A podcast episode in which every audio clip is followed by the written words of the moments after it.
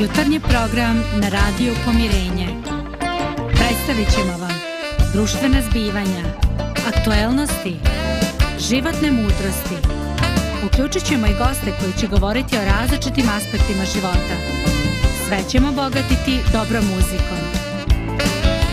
Sve to samo za vas. Jutarnji program.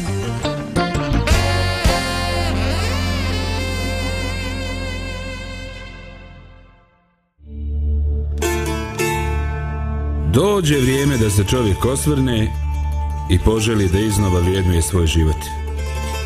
Pratite emisiju sa komšijom zdravkom.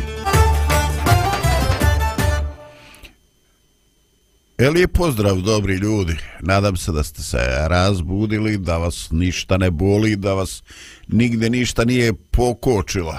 Dakle, da je, nadam se da je optimizam veći od stvari koje vas e, brine. Nekako dani se e, ovaj produžuju, sunca ima istina zubatog, ali ipak sve više i više. I nekako i to samo za sebe razlog za optimizam. Naravno, uvijek imaju stvari u kojima treba da brinemo. Evo najnovija vijest čitam da su ovaj neki od ovih novo postavljenih stacionarnih radara na području Banja Luke, Srpca, Doboja i šire da postaju valjda danas ili sutra aktivni, ja sam ja to dobro ovaj shvatio. Dakle, opratite pažnju ti crni stubovi, nemojte da vam zacrne budžet ovaj eto ja sam ovaj jer ja sam u iskustvu da to zna doći nakon 3-4 mjeseca onako dođe vam kao neka vaskršnja čestitka dakle eh, pazite mašina ta sa kočela su bezdušna prešli ste 21 km više a to znači 100 marđona i mjesec dana ide vozačka na odmaranje eto Ako ste prešli 19, onda pola od te cifre i neko vam ne dira vozačku dozvolu. Eto, nešto praktično na samome početku. Ovaj, dakle, obratite pažnju. U drugim krajevima je, vjerujem, isto tako jer je i zakon jedinstven. Eto, ja se raspričao onome što mene žulja u životu. Dakle, e, Dragana Lidija, budite mi pozdravljeni. Evo, ponovo smo zajedno e, u studiju iako je meni bilo onako ono interesantno i da se javljam ovaj e, negde e, sa strane. Pozdravljamo i mi tebe zdravko. Bilo nam je lijepo i onako više volimo što si da, tu iskreno da, da, da, da. uživo fu. jeste, jeste. Da. pozdravljamo i gledalci slušalce naravno. Odlično. Ovaj, evo pogledajte danas mi je tema uh, u kojoj sam puno puta zadnjih godina slušao utiske ljudi. I vjerujte e, ti utisci su dosta različiti E, često to zavisi od generacijske pripadnosti ali ovaj ne samo to. E, govorimo dakle o životu u grupi i, i o razvoju individualnog načina mišljenja e, djelovanja i tako. I kao sve ono što mi ljudi radimo imamo ovaj sve ima svoje dobre i loše strane. Eto kad razmišljamo o životu u grupi mi obično kažemo ovaj za neku grupaciju za neki narod pa kažu oni imaju snažan osjećaj plemenske plemenske svijesti eto oni se tako ovaj jedan drugoga zastupaju kad jedan ode u Njemačku, on još petoricu makar odvezde sa sobom, ovaj tako. Kada su u grupi, oni se međusobno brane i tako. E, primjećeno je da to e, nikako ne zavisi e, od neke pripadnosti nacionalne etičke, ne da, nego da to češće zavisi od geografskog podneblja. Dakle, ljudi koji žive u planinskim uvjetima, na većoj nadmorskoj visini, se moraju suočiti sa zahtjevima prirode, sa iskušenjima života i oni su svjesni koliko trebaju jedni drugima. E, kad idemo više u gradove, urbane sredine, pogotovo one veće, onda mi u stvari e, češće srećemo ovdje gdje se prednost daje tom nekom individualnom stavu, individualnom načinu razmišljanja. Ja imam svoj život, tražim svoju poziciju, znači nema tu mnogo mjesta za razmišljanje o drugim ljudima. Eto, nadam se da imate e, i sami neko svoje viđenje, svoje iskustvo. No, e, na samom početku, e, ajde da napravimo o, temeljno ovaj, e, na početku da zaključimo kako je došlo do toga e, razmišljanja, kako su ljudi stvorili takvu svijest. Pa jednostavno, ljudi su u prošlosti živjeli u zadrugama porodičnim, i zaista je trebalo da ih je više na okupu da bi mogli proizvesti svu potrebnu hranu. Jer naši preci su kupovali so, eventualno petrole za osvjetljenje, a gotovo sve ostalo su oni proizvodili. I da bi se to bilo uspješno, ovaj trebalo je da svi rade, da se isplanira dan, neko je to morao da ovaj odredi, znači nije to bilo sad puno toga demokratskog odlučivanja, eto kome se šta ide. Eto, djecu, ko bi išao čuvati ovce, ko bi išao krave, ko bi išao dovesti vodu i tako. Dakle, neko je to morao odrediti i ne samo odrediti šta i kako da se radi, šta da se sije, nego i koliko da se štedi jer ovaj trebalo je imati žita ne samo da se jede do sljedeće žetve, nego da se i posadi na, na sljedećoj sjetvi. Dakle, nije bilo jednostavno. Onda taj kolektiv je širen, a, nikad nijedna porodica nije prošla to da je nije bilo u nekom iskušenju. Onda su postojali prijatelji, kumovi, ljudi kojima bi se mogli obratiti da vrećom žita ovim ili onim prebrozimo neku krizu, a hvalim te Bože, eto doći prilika da se mi revanširamo sutradan i da jednostavno dođemo u situaciju da i mi budemo korisni. E, kakvi su, ja se raspričam, kakvi su vaši utisci, kakvi su vaši doživljaj tih nekih e, prošlih vremena, naravno nemojte izbjeći da govorite i o pozitivnim i o negativnim i svemu onome što je taj način života i taj oblik svijesti donosio. sad tišina. Čuj sad ovo tišina, ovo, no, Pa, znaš kako, Zdravko, ti si dosta toga već rekao, pa sad ti očekuješ da mi govorimo bi, o tome. Ono, hoću vaš Ove, utis. Evo vaš moji utisci, evo ovako, znači... Imaš li ti tu, jesi gledala takve primjere? Ja sam... Je li to pozitivan, tvoj dojmovi pozitivni ili nek su živi, zdravi, ali dalje od mene? Evo sad ću ti reći moje utiske. Ja sam pre nekih pa možda dva mjeseca, tamo negde krajem januara mislim da smo bili a, na Zlatiboru i posjetili smo Sirogojno i tamo smo imali priliku da vidimo, naravno ne morate vići na Zlatibor i posjetiti Sirogojno, da to vidite, toga ima svuda ovaj, u našim, i u našim krajevima, tako tih... Um, Um, kako ruralnih. se to kaže Da. pa ne, ne ruralnih da. nego to se, to se kaže Šta, etno selo? Etno selo, Aha. e to, Eto, ovaj, Ova, imate toga dosta svuda, ali nekako kažem, ta, to mi je ono zadnje sad što sam e, videla i već sam bila, posjetila sad ponovo, nije to bitno, ali e, tamo smo baš imali priliku da vidimo, eto tako, tu sredinu, znači e, mesto gde e, živi jedna zajednica i sad oni kažu to je još čak i malo bogatija onako zajednica bila, gde imate jednu glavnu kuću, pa imate sporednu kuću, u toj sporednoj spavaju deca, u glavnoj spavaju roditelji najmanja deca. Ovaj, sad zamišljam ono januar mjesec je bio mi svi u ja kažem bože dragi kako su ova deca spavala ovde. Pa onda vidimo one slame, slamarice, one ovaj, svi ti onako uslovi onako malo deluju Joj, ne znam bih li ja to mogla. Pa onda koliko ih je bilo, rekli smo živjeli su u zajednici, mm -hmm. znači više, više njih se zamisli. Recimo otac ima primjer radi dva sina, tri sina i sad oni svi žive zajedno u toj jednoj istoj zajednici. Niko tebe ne pita jel s tebi jede ne znam, sarma ili ti se jede Šta ti sine da jedeš? Da. da, znači pura se pravila nešto onako možda i povoljnije jeftinije što se moglo, šta mama zakuha tamo, šta napravi, to se jelo. Niko te nije pitao jel ti to voliš, jel ne voliš, jel možeš ili ne možeš. I, i, I da, to je tako, znači nije bilo slobodnog vremena u smislu hajmo sada sedimo malo da, da, da listamo ovaj, telefon, da. bilo koje mreže, tako da, zanimljiv život, zanimljiv, s jedne strane dobar, zašto je dobar? zato što um, Zdravije, mislim, e, zar ne? znalo se ko šta radi. Čini mi se da je e, autoritet bio puno poštovaniji. To je onako jedna, jedna od pozitivnih strana, a negativna strana je možda ta što e, nekako nije bilo te slobode.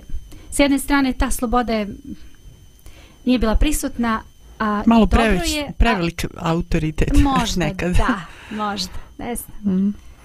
Ja sam odrasla, šta znam, ovaj, u sredini gdje, gdje nije bilo takvog, ne, takvog neče kao što je uh, ta vrsta zajednice. Mhm. Ali bili smo povezani sa komšijama, sa nekim uh, rođacima koji su tu ostali, znači imali smo mnogo rodbine i u ostatku uh, BiH, u Vojvodini, u Srbiji, u Hrvatskoj i šta znam u nekim dijelovima inostranstva. Malo smo se raspršili, ovaj, ali, ali šta znam, bila je veća povezanost nego danas što se tiče ljudi i obično znamo se sjetiti, e, tako smo se mi igrali jedni sa drugima, povjeravali se jedni drugima, ne znam, bilo je bliže, više smo posjećivali komšije nego možda danas, ne znam kako sad ljudi. Išlo se Ali- na prelo, jel se išlo i u tvoje vrijeme na prelo? Pa iz jednog stana, s jednog sprata na drugi Aha. i tako to. Ovo, znaš, to pošto- ti si isto urbana sredina. ovaj, eto, to su bila prela. Takva, ali kažem, šta znam, bilo je fino onako. Ako Da. si znao da, da, da praviš Znači, ti si, ti si zakinuta bila za perušare kukuruza. Kao prela. Kad se, ovaj, e, kaže, kako je kod Jovanovića večeras perušare kukuruza. Znači, to je u nekoj šupi, možda je samo natkriveno. Znači, ogromna količina kukuruza u obranih, neoperušanih je na gomilu. Onda se nosi nešto na što ćete sjesti, pošto baš nije toplo, već je to brane kukuruza, to je već kraj godine. Onda se sjedne na neki kožu, najbolje džedov, i jednostavno perušaju se kukuruzi. Bacaš na jednu stranu ovaj, eh, ovu, eh, kako se zove ovo kad kruni, kad ne kruniš, kad peruša perušu, a u sepete bacaš te kukuruze i neko ih ovaj nosi, sprema i tako. Onda kad izvadiš ovaj crveni, onda daš domaćici jer to će od toga crvenog će se praviti kokice i nekako se osjećaš ti slavodobitno. Evo, našao si jedan buljavac za buljati, za praviti kokice. Ovaj, e, da, e, i onda se te naveče se nešto, nešto, ovaj, e, nešto se posluži. E, ja se sjećam te priče jedne porodice koja je bila dosta siromašna, koji su živjeli pored moga dijade i kaže, kod njih je bilo interesantno ovaj, uštipci, je li? se peku u tepsi velikoj, a ovaj, i onda dole na, na podu je velika papir od vreće i to se odjedan put se u tepsi i toga dosta spremi. I ona to njima baci i oni to hvataju jedan po jedan, onako malo gurkaju i da se olade i jedu i ide se, vrti se jedna, dve, tri tepsije dok ne vidiš da je djece dosta, djece se nahrane, čaša mlijeka, idemo dalje, ajte djeca radite nešto ili ko ide u školu ili idite čuvajte stoku. Ovaj, ja se, ja se postajem svjestan da sam ja mnoge stvari imao priliku vidjeti. Dakle, da sam sam bio i na perušanju i da sam e, bio u prilici sa bakom da odem da čubam ovce, e, da sam puno toga što neki ljudi smatraju kao daleku prošlost možda jest da sam baš bio u situaciji da ovaj da doživim, da osjetim i vjerujte, osjećanje su, kako ti, Dragana, kažeš, osjećanje su lijepa. Mm. Ja Osjećanje kad su... slušam samo to, to je meni fascinantno nešto. Mislim, može mi neko reći, lako je tebi iz današnje, ne znam, udobnosti posmatrati to kao fascinantno, ali jeste, meni je to uvijek lijepo kad slušam druge ljude kako su oni to doživljavali. I to je bilo zdravo vrijeme, vrijeme. Da. m, Bilo je bolesti, naravno, i umiralo se, ali koliko je danas bolesti. Da, ovaj, e, e, znaš mene ovako u ovim godinama šta najviše fascinira? E, obično se govori da se štedilo i da je bilo manje hrane, ali sve to što su imali je bilo maksimalno zdravo i kvalitetno. Znači oni nisu imali ovu ovaj e, nisu imali nazovi hranu. znači kombinaciju šta znam e, brašna, šećera, masnoća, aditiva i, i, i raznih vještačkih ukusa. Znači oni sve što su imali to je bilo to. Da, da, i čak i, i ta masnoća i tih svi ugljeni hidrati, čovječ, oni su to znali da potroše. Kod nas sad, kako ćeš danas potrošiti? pa nije bilo šećera u toj mjeri. Šećera, da, Da, slažem šećera nije bilo, ali su imali mnoštvo tih stvari, pravili se pekmezi i tako. I imali su, ovaj, i, i to su, ovaj, nije bilo hidratizirani masti. Mm. Znači, oni su jednostavno ono, pravi put, puter ovaj, u, u, u stupi, jednostavno mlati. Ili mast, mast Da, bila. da, bilo životinske masti Da. i tako. Znači, nije bilo ovih hidrogeniziranih masti koje su stvarale upale na krvnim sudovima. Ok, mi smo sad, ovaj, e, mi smo sad baš se onako zaustavili na slici, ali svako da je ta slika koja je pomalo idilična nosila na ljudske sudbe, na njihova osjećanja, pozitivna i negativna osjećanja, ne, pozitivna i negativna osjećanja. Ali ajde o tome malo da progovorimo neku riječ nakon muzičke pauze. Može.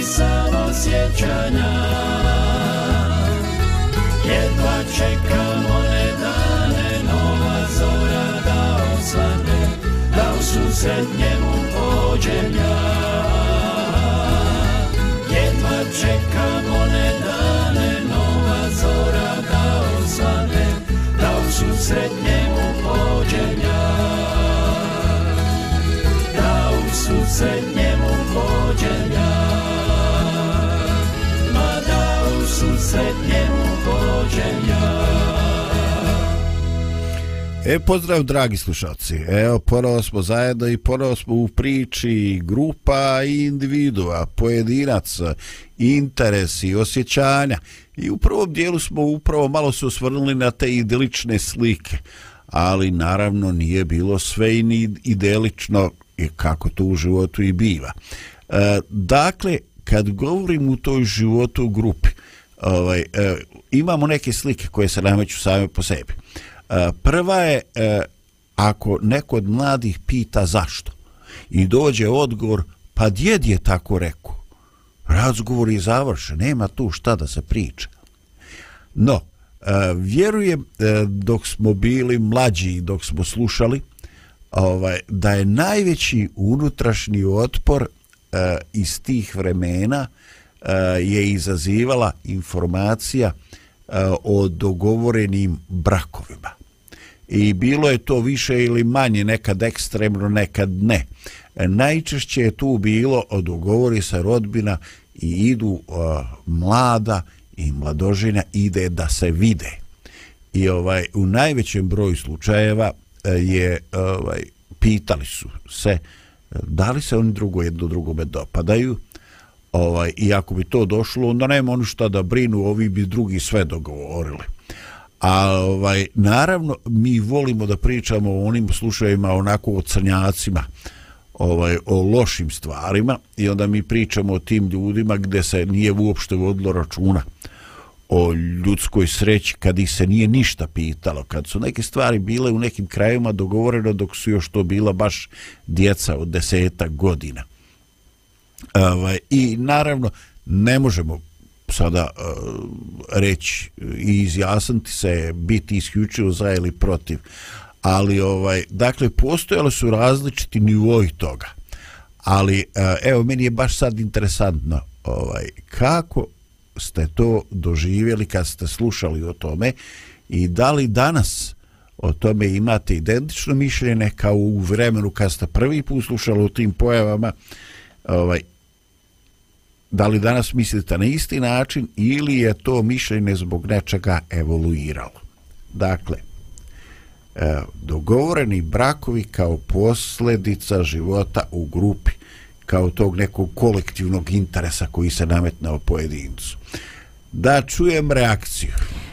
Pa, um, kad su dogovoreni brakovi u pitanju, ja, ja bih rekla da je, uh, kad kad se onako na nekom osnovnom nivou u smislu da, da nemaš nemaština ili ne znam rat um, ili tako neki životni uslovi koji nisu najpovoljniji, onda nekako mi je prirodno da, da se i to nameći kao neka normalnost, znači da neko ugovori, ugovori brak kao što će ne znam, raditi na, na polju koliko god može, šta god može da bi njegova deca ostala u životu, opstala i šta je znam da bi budućnost mogla da ide napred.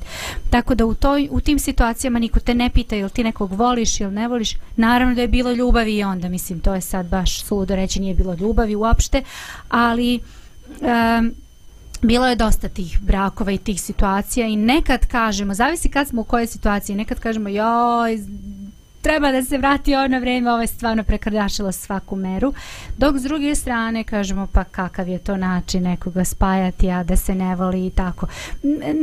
Kod mene se to stalno menja, evoluira, nije uvek isto, jednostavno to je to je produkt tog nekog vremena i stanja u reakcija na neku bili. aktuelnost koju vidiš na neki ekstrem današnjeg vremena ali sve meni, meni se stalno vraća ta riječ ovaj ponovo um uh, na, na zdravoj os, osnovi znači zdravo i u prošlim vremenima bilo je nečega što nije bilo zdravo a dešavalo se znači i u porodicama i u društvu u kolektivu znači bilo gdje i danas se to dešava znači ne, ne možemo reći nekad je bilo bolje jeste neke stvari, ali danas su bolje mhm. možda neke druge ili mhm. kako kad, znači u zavisi u kojem trenutku je nešto bolje i da li je formirano sve to na, na zdravoj osnovi. Ne znam, uh, ti možeš uh, imati ugovoren brak, uh, ali ako imaš prijateljski odnos prema toj osno, osobi, ako imaš zdravo mišljenje o samom braku, o, o toj zajednici gdje živiš, o taj zdrav neki pogled na život I ako ta osoba to ima sve, onda je lakše naći te zajedničke stvari. Biće tu i neke emocije. Biće, biće, apsolutno. i To, to su stvari hemije, zove da, ljubav. da. Jer kad odeš u drugu krajnost, kad previše bude emocija, onda se opet može raspasti brak, onda se iznerviraš ti, iznervira se osoba i, i svašta onda bude, da ne nabrajam.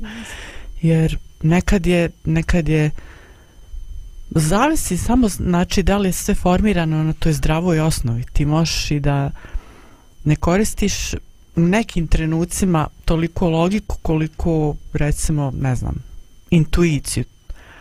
Ovaj, ali da to bude na zdravoj osnovi. Eto, ja. E, čovače, pa mogu Dobro, ja reći sad da ste me... malo. Da, izvini. Mogu reći da ste me baš onako iz, iz, ovaj, iznenadili. Ono, ja sam, ja sam mislio, evo sad ja jedan naprema dva, ovaj ženski svijet, ono Sad čim me. sad emocije, ovo, ono, idemo da razapimo te stvari, ono, kako su te usudio se da postaviš tu nedomicu. Ovaj, da, Dragana, meni ovo se čini baš kao ideja vodilja, znači sve se zasniva da li su odnosi bili zdravi. Ovaj, jer u situaciji kad ljudi mladi nisu izlazili do dva sata posle ponoć i nisu se ovaj e, povraćali u kafićima ovaj, jednostavno postojala ta prirodna privlačnost. I ako postoji respekt prema toj kući u koju treba da se udaš ili iz koje treba da dobiješ djevojku, ako imaš pozitivno mišljenje, ako povremeno vidiš tu osobu kako odrasta, kako postaje sve privlačnija fizički, ja vjerujem da je tu radila mašta, da se tu e, jednostavno sve se spremalo ovaj, da tu dođe i do svega onoga što je potrebno i do, i do osjećanja i do hemije kako mi volimo reći i do svega naravno osim onim nezdravim situacijama kad se baš baš nije očekivao i taj i taj pristanak. Ovaj naravno bilo je u prošlosti ovaj da se porodice stave pred svršen čin. Eto mi mladi smo uradili korak nismo nikog ništa pitali pa sad hoćete li da pristanete ili da pukne bruka? Ovaj da nekad je bio argument ono djeca su uzela slobode i nekad je i tako se završavale stvari no ovaj e, vjerovatno će se neko ovaj želeći da se usprotivi sjetiti onoga ovaj primjera iz književnosti. I ja ovaj sam mislio da vam to postavim u formi. Ljudi jeste li preživjeli i prežalili Romea i Juliju? Eto to je baš jedan iz književnosti ovaj jedan od eh, jedan od primjera. Imamo ga čak i u Bosko bosko-hercegovačkoj književnosti i tako imamo te, te primjere nesretnih ili tragičnih ljubavi gdje se nešto formirano, ali taj kolektiv porodica ne mari za to, jer im je bitna njihova čast. Ovaj, I to su, to su nezdrave od, od, odnos. Toga je bilo uvek, ne samo u vreme Romeja i Julije, toga ima i dan danas. Da. Mislimo iskorenjeno, ne, ne, nije iskorenjeno. Nije iskorijeno, da. Ali pogledajte, ovaj, danas, uh, danas imaju ljudi traume, uh, neke porodice koje su baš ovako, uh, ajde, kako se to kaže, materijalno situirane. Ljudi imaju probleme, imaju trauma, da li će njihova djeca biti voljena. Mm. ili jednostavno ovaj e, su za njih zainteresovani radi toga što ulazak u jednu takvu bogatu porodicu ovaj znači e, znači stan u gradu, znači vikendicu na moru, znači zimovanje, ljetovanje, odlazak na neka monde, mondenska ljetovanja vani, e, što to znači zaista ovaj život na jednom većem nivou. I onda roditelji se pitaju, eto, čito život se borimo, a da li će naša djeca imati ono elementarno? Da li će uopšte biti voljena? I za ne, ovaj, da li vi smatrate, na kraju kraja, otkud ova priča u modernom vremenu o prebračnim ugovorima, ovo i ono, pa isto to da se zaštite interese. Mm. Pa je, realno, da. Ali ne znam, ja ra- razmišljam više sada ti govoriš još uvek u- nekako u, u vremenu, ne znam, tog nekog e, e, idealnog, ono, vo- volimo se šta znam, današnje vrijeme, ja, ja prosto ne mogu da, ne znam, meni, meni nekako nije blisko to. Znači, ljubav nije više ljubav. Znači, danas se to sve pretvorilo na tako nešto trivialno. Uh, eh, ono što je najsvetije se pretvorilo u nešto tako usputno, ne, ne nebitno, nego ne tako vredno. Brakovi više nisu ono što su bili u smislu da, da su stvarno sveti. Ima ono, sad, sad sam se setila na Facebooku, sigurno ste prošli ili negde bilo gde, pitaju kao stare ljude, kao zašto je va, kao vaš brak, eto, 80 godina traje, 70, 60, ajde 80, to je malo previše. Ali, ovaj, I onda oni kažu, pa kaže mi živimo u vrijeme kada su se stvari popravljale, a ne bacale. Mm -hmm. E, to je današnji problem osnovni. Mm -hmm. Super. Ovaj, da, da li smo u stanju da ulažemo u naše odnose, ovaj, jer e, nažalost e, rastave su došle u kategoriju, došlo, ogroman je procenat ovaj i sve u ime neke slobode povređenosti našega ega jednostavno e, djeca su e, osobe koje iz toga najviše trpe mm. ovaj i ljudi koji ulaze iz e, i, i uopšte ta partnerstva kad ona i nisu ovaj često ona nisu vezana sa nekakvim brakom i čak i zakonodavac to ovaj predvidio stvorio neka prava ljudi koji žive zajedno. Ovaj a, ali nevjerovatno su ovaj koliko danas postoje ta neka očekivanja dakle a, e, ako ti moraš hoćeš da budeš voljen onda ti moraš biti mlad i privlačan. Ljudi to je o, suprotno biologiji to je suprotno ovaj prirodi. Ovaj ja ja ovaj ja, meni se dolaze neke morbidne li, misli ovaj ljudi su toliko ovaj naša tijela su toliko izmijenjene s tolikim ovaj procentom raznih proteza, umetaka, ovoga i onoga. Ovaj ja ja ne znam šta bude sa tim e, plastičnim dijelom, kad bi neki arheolog ovaj za par stotina godina gledao ta naša ovaj groblja i ovih mjesta gdje su se pokapalo ove estradne zvijezde oni nalazili neke čudne komade plastike ovog eroga, kako će on to objasniti? Ovaj mogu se malo da naravno, naravno. pa to, to je fascinantno ovaj, to me na, na drugi način fascinira mislim uh, ba, baš me čudi kako, kako nema toliko um, više hrabrosti danas nego što je ranije bilo. Mm -hmm I to kad spomenuo Romeo i Juli, oni su mi se činili, kao dijete sam se uvijek pitala, a što su oni morali da, da nestanu jednostavno s lica zemlje? Što se nisu borili za sebe? Malo me ner nerviralo to. ovaj, I sad sam me posjetio na onaj film ovaj, sa ovih prostora, Crna mačka, Beli mačor, kako dvoje mladih ljudi, bez obzira što im život ovisi o tome, što će njihova rodbina da ih pobije ako se ne vjenčaju za osobe koje su oni predvidili tamo njih oni ovaj ali oni oni odlučuju da bježe i baš su bili hrabri i baš mi to baš mi to bilo simpatično onako što a ovaj ali to ne važi samo za, za sklapanje braka nego što kažeš ti Zdravko to to je za razne principe u životu šta ću obući kako ću izgledati kako ću se počešljati koje ću boje danas upotrijebiti mm. uh, oblik odjeće šta ću jesti danas uh, hoću li jesti jednom ili pet puta ili, ili kako ću praviti tu hranu i razne neke banalne, banalne stvari, da ne kažem gluposti. Mm. Ali mi se prilagođavamo šta društvo očekuje od nas da ja budem prihvaćen iz tog straha. Hoću li biti prihvaćen? Mm. Da. Kad smo, evo ja da se ubacim, kad smo kod Romija i Julije, sad sam se setila ove, jedne serije, neću, neću spominjati na, nazivom, i mogla bih, što da ne, ove, Cvat lipe na Balkanu, inače mm. volim tu seriju da pogledam i, i onaj prvi deo i ovaj drugi, a, ove, ali taj jedan deo govori kako je tu mladu devojku njena tetka odvela u pozorište da gleda Romija i Juliju. I sad oni su pogledali Romeo i Juliju I sad ona je izašla iz pozorišta i nju drugarica nagovori da malo popije alkohola. Ona je već bila punoletna i kao haj malo, haj malo i ona je malo popila i pripita tako došla kući, naravno prvi put pije i tako. I sad mama je to videla i ona kaže e, kako je bilo, bilo je jako lijepo, pa baš kako je s Romeo i Julije, ma super je sve to, ali kaže oni su, kaže, poginuli na kraju. Ali kaže, a znaš ti zašto su, kaže, oni na kraju poginuli? Kaže, mama, pa zašto? I ona onako pripita, kaže, Pa kaže, njihov problem je što oni nisu razgovarali.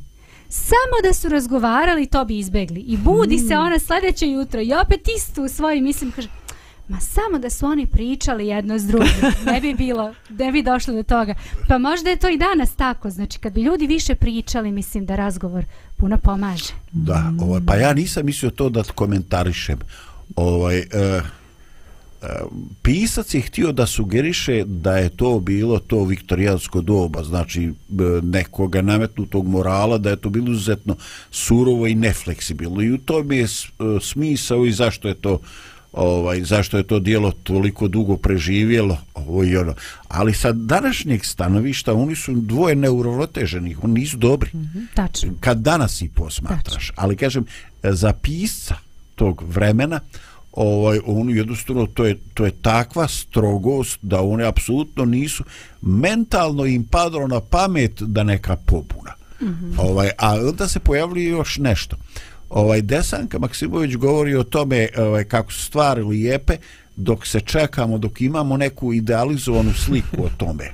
ovaj e, I što kaže, o, o, o domovini najljepše pjevaju oni koji su ga starbajteri, koji su ocelili svije, jel tako?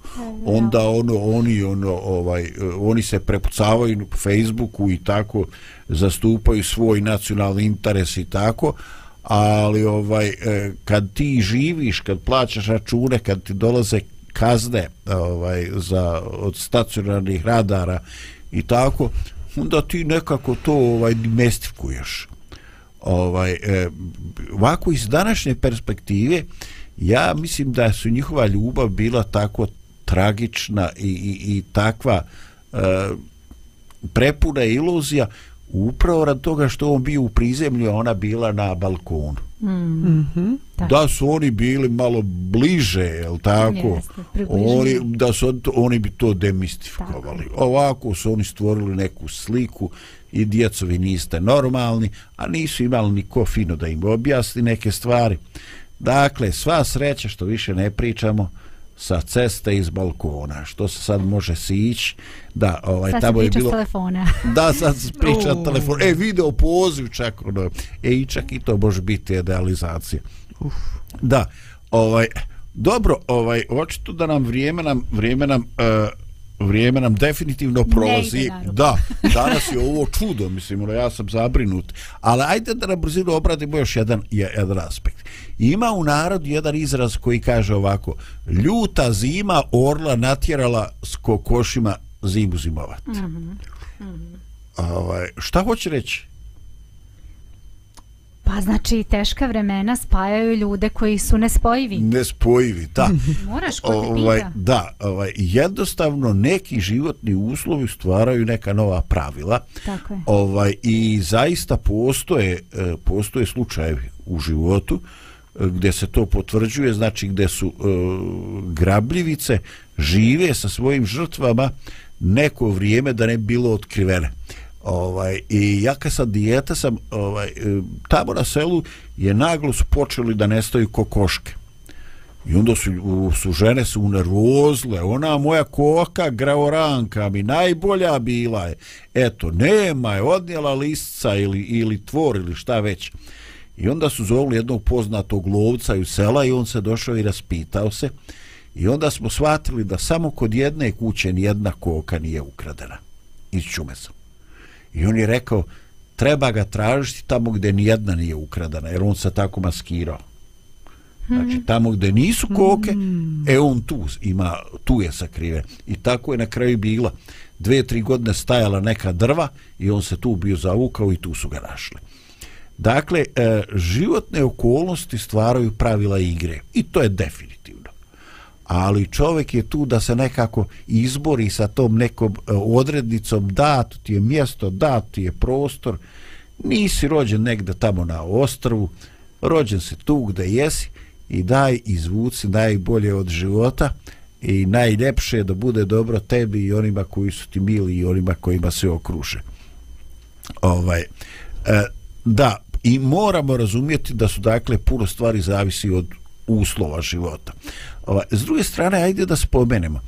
Ovaj, vjerovatno ste slušali eh, kakva je posljedica toga da na, recimo na zapadu mm, mladi ljudi sa 17, 16, 17 godina ovaj veoma lako nađu posao, veoma nađu neko mjesto stanovanja, odlaze iz svojih porodica i to niko ne doživljava kao neko uh, razilaženje.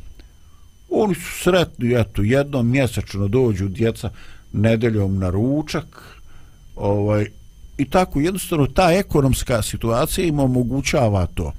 Ali, e, da li se zadržava bliskost kao u nekoj normalnoj porodici koja živi zajedno i ovaj e, meni je to meni je to upitno i sad e, ono što ti Dragana kažeš znači u jednoj i u drugoj situaciji sad je sporno koliko je to na zdravim osnovama mm. problem je kad smo centralizovani problem je kad nam djed sve odlučuje a isto tako problem je kad smo svi toliko nezavisni da nam više nije stalo mm. jedni do drugi Da, da, da, da. da. da. Zanimljivo je, evo recimo, moj brat živi u Švajcarskoj i a, mi smo dok prvih godina dok je on tamo žive, on je to je takve stvari više i primjećivao mm -hmm. i jasno je, znači kad u toku dana prolaziš gradom, mi smo na odmoru bili, pa smo mi hodali, nama je sve jedno, ali ljudi rade, nema nikoga na ulici.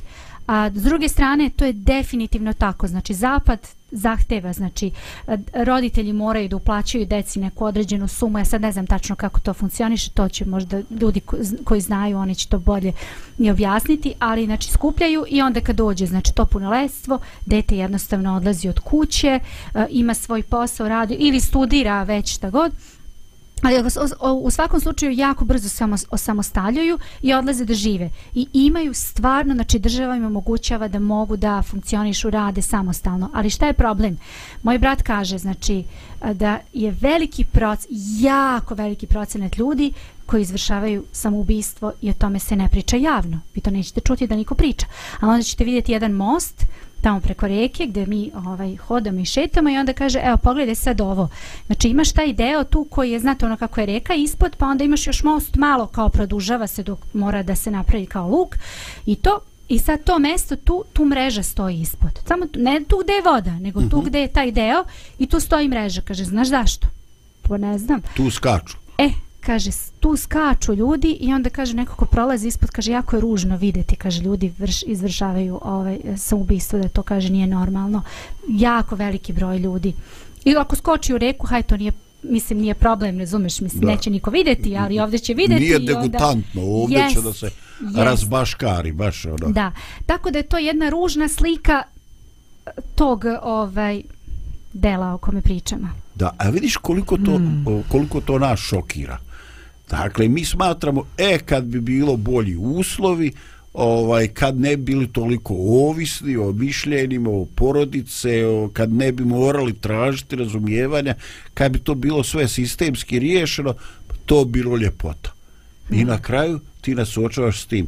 A, ova, a šta je to, šta misliš, šta njima to fali da je tako veliki procenat suicida samoubistva? Fali malo opuštenosti čoveč. Ove naše. Mi Ma, smo pred, prešli u drugu krajnost. E, ovaj, e, ja mislim ja mislim ovaj, da tu fali zagrljaj. Tako je. Da tu fali zagrljaj da se ljudi otuđe da se oni ne dodiruju da se roditelji i mm -hmm. djeca ne grle. Sve imaju a ne imaju ništa. Da. Ovaj Uj čoveče, još ćemo na kraju povjerovati da nam je dobro što smo siromašni. Ajde, Lidija, puštaj muziku pa da padnemo u sevdah. Može.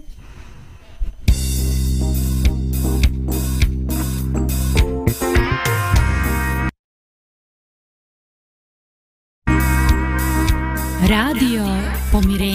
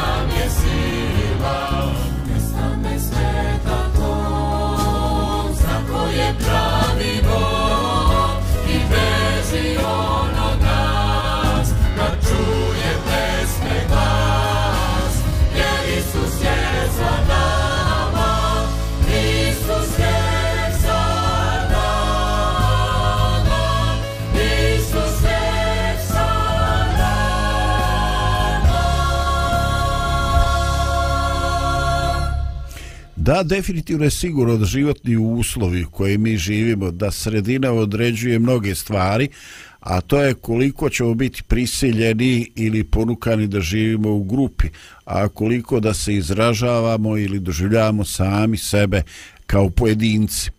I uvijek vidimo da postoje problemi i kao Dragana ti si to rekla, sve je pitanje koliko je nešto na zdravim no- nogama. Na zdravim nogama je kada je orao zbog zibe preživi sa kokoškama. Eto, zdravo je rad toga što je realno. A na proljeće kad on uzleti, on jastreb će i dalje nastaviti da love kokoške. Međutim, dok jede tamo žito koje gazda ovaj daje u kokošincu, on neće dirati svoje nove podsta, neće dirati kokoške s kojima stanuje. Eto, tako to biva sa kokoškama, s orlovima, ali tako biva i sa ljudima. Jednostavno, postojale su vremena u kojoj su ljudi odlazili iz svoga sela kad idu na posao, kad idu u vojsku, kad se žene ili udaju i ne dao Bog kad idu negde doktoru. U principu, mnogi su završavali svoje života da nisu prešli udaljenost višu od stotinja kilometara. A danas sve se promijenilo. Mi jednostavno pričamo o ljudima koji su na drugom kontinentima. Mi dobijamo lajkove, mi sarađujemo, mi imamo neke zajedničke projekte. I svi kažu, svijet je postao jedno veliko selo. No, naši stari su govorili da je jako bitna blizina. I tad je ovaj nastalo ono čuveno, ljudino, bolje ti je dobar komšija blizu nego rođeni brat kad je daleko. Kaže, kako to može biti? Pa brate, dok brat dođe, ti može crknuti dva puta. A komšija, ako ičemu valja, on će se naći. Eto, nekako je to narod iznjedrio i izdefinisao. Ali šta je sa ovim mnoštvom naših digitalnih Facebook prijatelja, Instagram, TikTok ili šta sve imamo, šta je s tim našim digitalnim prijateljima? E, koliko imamo privatni poruka ovaj e, kad kad kažemo da smo nekog izgubili kad kažemo da idemo na operaciju koliki procenat onoga što se zovu prijatelji digitalni e, je uopšte zainteresovan za nas, za našu Bogu za našu sreću. Hm, ko bi nam u stvari od tih prijatelja bio da, da nema tog da nema te pomoći tehnike ko bi nam stvarno bio prijatelj Da, pa vjerojatno se ne bi ni susreli. S mnogim od njih se ne bismo mm. poznavali. Ovaj, da, ja imam, ja imam, ovaj, ja imam uh, digitalne prijatelje za kojima sam osjećao potrebu i realizovao ovaj, fizički susret i tako neki zajednički ručak i baš sam ovaj, osjećam se obogaćeno i nisam svi ljudi koji su mi interesantni nisam uspio da ih uživo upoznam ali jednostavno imam tu tendenciju imam tu želju. Problem je sa onima koji žive baš daleko. Ali ne, nisam mislila samo na to, nego uh, i oni koji bi živjeli u tom gradu gdje si ti, mm -hmm. uh, ko bi ti u stvari bio od njih prijatelj, jer um, u ove, ne znam, zadnjih par decenija kako se razvilo to više digitalno prijateljstvo, uh, a, jedni drugima nekako iz, pre, jedni prema drugima izgrađujemo neke a, odbrambene štitove, ne znam, nija da se zaštitimo kao da, da izgledamo mi bolje, bolji nego što jesmo.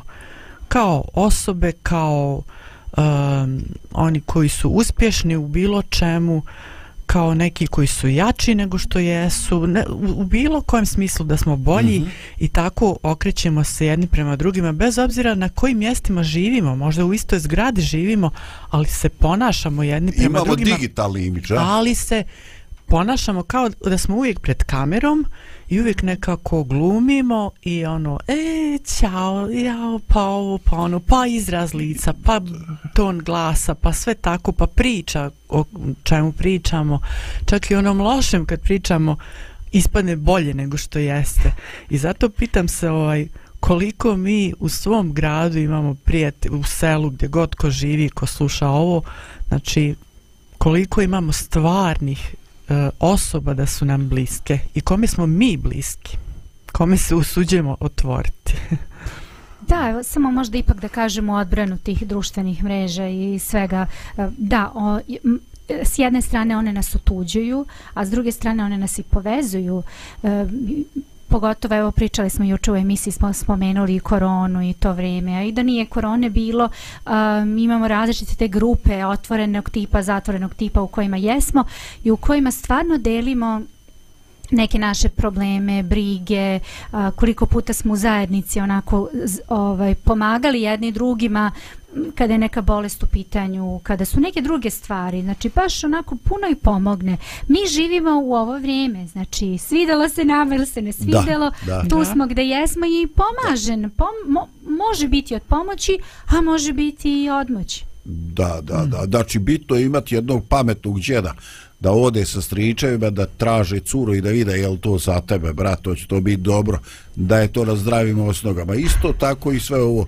Znači, problem je da li mi znamo, da li previše uzimamo k srcu nečiji dislike, nečiju ružnu mm, reakciju, mm, yes. da li se svađamo rad toga što se neko ne slaže s nama na Samo da kažem još, da. ja znam nekoliko brakova koji su se sastali tako preko interneta i da. tih stvari. Znači, Znaš odlično. koje su se rastali radi interneta? Ne znam. A ne, ne znam. Znam ove pozitivne stvari. Ono, opet kažem u odbranu, tako da djedovi su super, ali znači, ali s druge strane sam da kažem, jesu se oni videli i čuli preko Facebook ono, inter, mreža da, bilo kako je bitno, da. ali su na kraju morali da se susretnu, da vide jedno drugo uživo, znači to je ipak na kraju se vraćamo na to. Pa interesantno. Opet kao Romeo i Julija. Morali ste, kao... zašto se nisu susreli? Zašto se nije popo na terasu? Da, dobro, znači, zaključili smo ništa bez ono, znaš, uh, uživo, ovaj, ništa bez susreta. Ovaj, dobro, lijepo je to sve. Ovaj, e, dakle, e, da bismo zaokružili ovo danas, današnje ovaj e, razmišljanje koje e, prvi put osjećam da nisam uspio da e, povežem sve te konce u smislu toliko je tih ideja, toliko je tih stvari koje asociraju na naša sjećanja, e, toliko je toga lijepog, možda nešto i ružno, da jednostavno ovaj e, protuslovna su osjećane. No, Dragana, možda će ključno, ključna ovaj, riječ današnjeg družina biti ovo tvoje, a da je sve na zdravim osnovama. Hmm jednostavno najveći problem grupe jeste e, kad je grupa imala distancu prema drugom kolektivu, prema drugome grupi. Dakle, jednostavno nekad su postojale sela iz kojih se mladići nisu ženili iz onoga drugoga sela, jer tu je nekad bio neki problem, tu se ovaj pukla kubura i tu se više ne žene. I sada, đavo ne spava. I onda se desi daš kao kod Romea i Julije da se na, na, na seoskom zboru zagledaju i zaboravljaju zatvoriti usta on gleda u nju i ovaj i desi se šta se desi. I onda treba preći predrasude. Znači problem grupe što neki put ona unapred ima neke e, formirane stavove i pojedinac ne može ostvariti svoje želje i ambicije rad toga što ima neke unapred zadane okvire i limite. Ne može se. E, meni je interesantno, pošto smo ipak duhovni radio, e, da iako je u prošlosti postojala ta znači jasan osjećaj grupe, porodice, plemena, e, čak i naroda koji su se formirali, e, E, interesantno je kako je na to djelovalo ovaj e, dolazak hrišćanstva u ove krajeve. E, fantastična je ta priča da se hrišćanstvo veoma brzo e, sudarilo sa tim nezdravim e, u, u toj e, dinamici grupe. Ovaj, jednostavno sudarilo se sa e, predrasudama. I ta neka povezanost, to bratstvo po tlu, po krvi, po rodbinskim odnosima je moralo biti suprostavljeno tom bratstvu po duhu. I pogledajte, sveti apostol Pavle u svom poslanic pismu Galatima je e, rekao, pročitat ću samo kratki tekst. Nema tu jevrejna ni grka, nema roba ni gospodara, nema muškoga roda ni ženskoga, jer ste svi jedno u Hristu Isusu. Pogledajte, ovo je nešto fantastično zato što ovaj taj koncept grupe u negativnom smislu ruši. Da, vi pripadate, vi imate svoj identitet. Imate nešto što ste naslijedili, dio ste nečega i nema u tome ništa loše. Ali s druge strane, ne smije to djelovati ružno. Ne smije biti problem u izražavanju vaše vjere, u razumijevanju, u seosjećanju, u prihvatanju čovjeka kakav on jeste. I pogledajte, za to vrijeme je tad rečeno još nema jevrejina i grka. Nema nacionalnih podjela. Nema onih šovinističkih podjela na muški i ženski rod. Nema socijalnih potreba. Da, sve to postoji, ali jednostavno vi ste pozvani da budete ljudi. I na taj način ušli smo u jedan e, vijek. Neko će reći, pa zar to nije prvi globalizam? Jest. To je vjerovatno jedan od prvih globalizama, ali ovaj globalizam je bio na zdravim nogama. Prihvatanje ljudi, prihvatanje njihove e, različitosti, bez potrebe da se oni e, ponašaju uniformo, da svi budu isti. Kasnije ćemo kroz istoriju poznati i nezdrave oblike globalizma u kojoj će doći do u, e, rastapanja svakih ljudskih posebnosti. No, e, zapazimo da u hrišćanstvu ne traže da mi budemo nešto što nismo. Da ono prihvata naš individualizam, ali da kaže da postoji dovoljno prostora da ljubavi, razumijevanje i prihvatanje drugoga opstanu iako se razlikujemo. Eto, tako nam Bog pomogao. Jer zaista u tom našim različitim životnim uslovima, u tome našoj želji da ispunimo svrhu, da budemo kompaktni, da i budemo snažne porodice, a da i lično budemo sretni, mi smo u iskušenjima. I zaista želim da imamo zdrave osnove. A čini mi se ponekad da nam u tome sam Bog može pomoći. I to je upravo ono što vam želim. Lijep pozdrav i slušaj.